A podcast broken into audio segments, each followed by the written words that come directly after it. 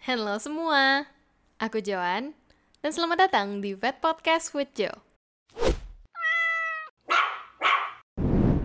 Oke, sesuai dengan story beberapa hari sebelumnya, aku akan bahas mengenai overweight, obese, dan diabetic pets, yaitu cats and dogs ya.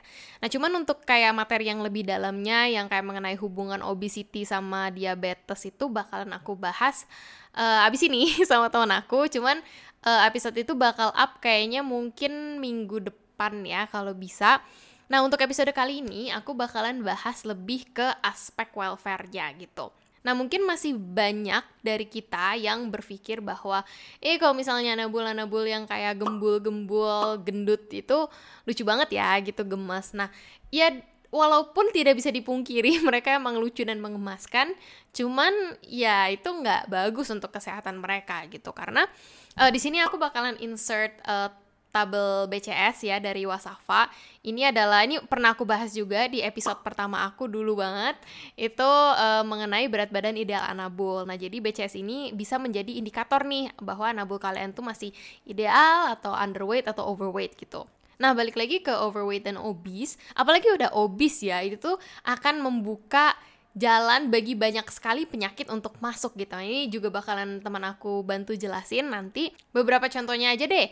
Bisa ya sama aja kan kayak di orang kalau misalnya obesitas tuh bisa ada risiko penyakit jantung, terus napasnya juga jadi berat, penyakit respirasi, penyakit liver, terus juga jadi lebih sulit bergerak, kayak cepat kehabisan napas dan ya itu salah satunya adalah meningkatkan resiko kena diabetes. Nah, kalau misalnya ada teman-teman mahasiswa kedokteran hewan atau dokter hewan ya, udah lebih umum sama yang istilahnya five freedoms uh, atau dan atau five domains. Di mana poin pertama dari five freedom itu adalah freedom from hunger and thirst dan kalau misalnya five domain ini lebih ke nutrisi. Di situ aja udah kelihatan bahwa kita nih nggak cuman merhatiin bahwa mereka itu udah terbebas dari lapar dan haus, tapi juga mikirin nutrisi yang uh, sesuai dengan kebutuhan mereka.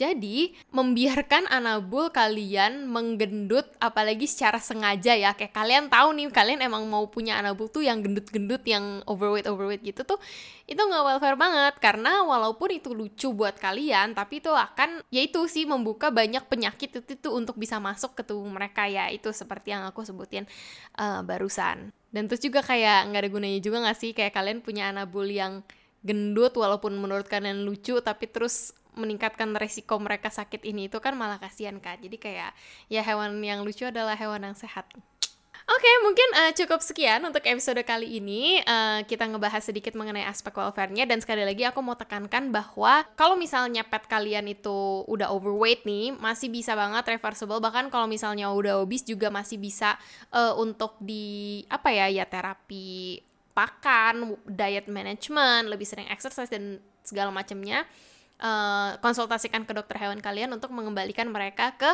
berat badan yang ideal gitu. Jadi cukup sekian untuk episode kali ini. Jangan lupa untuk di-share biar bisa bermanfaat bagi orang banyak terutama untuk para pet parents di luar sana.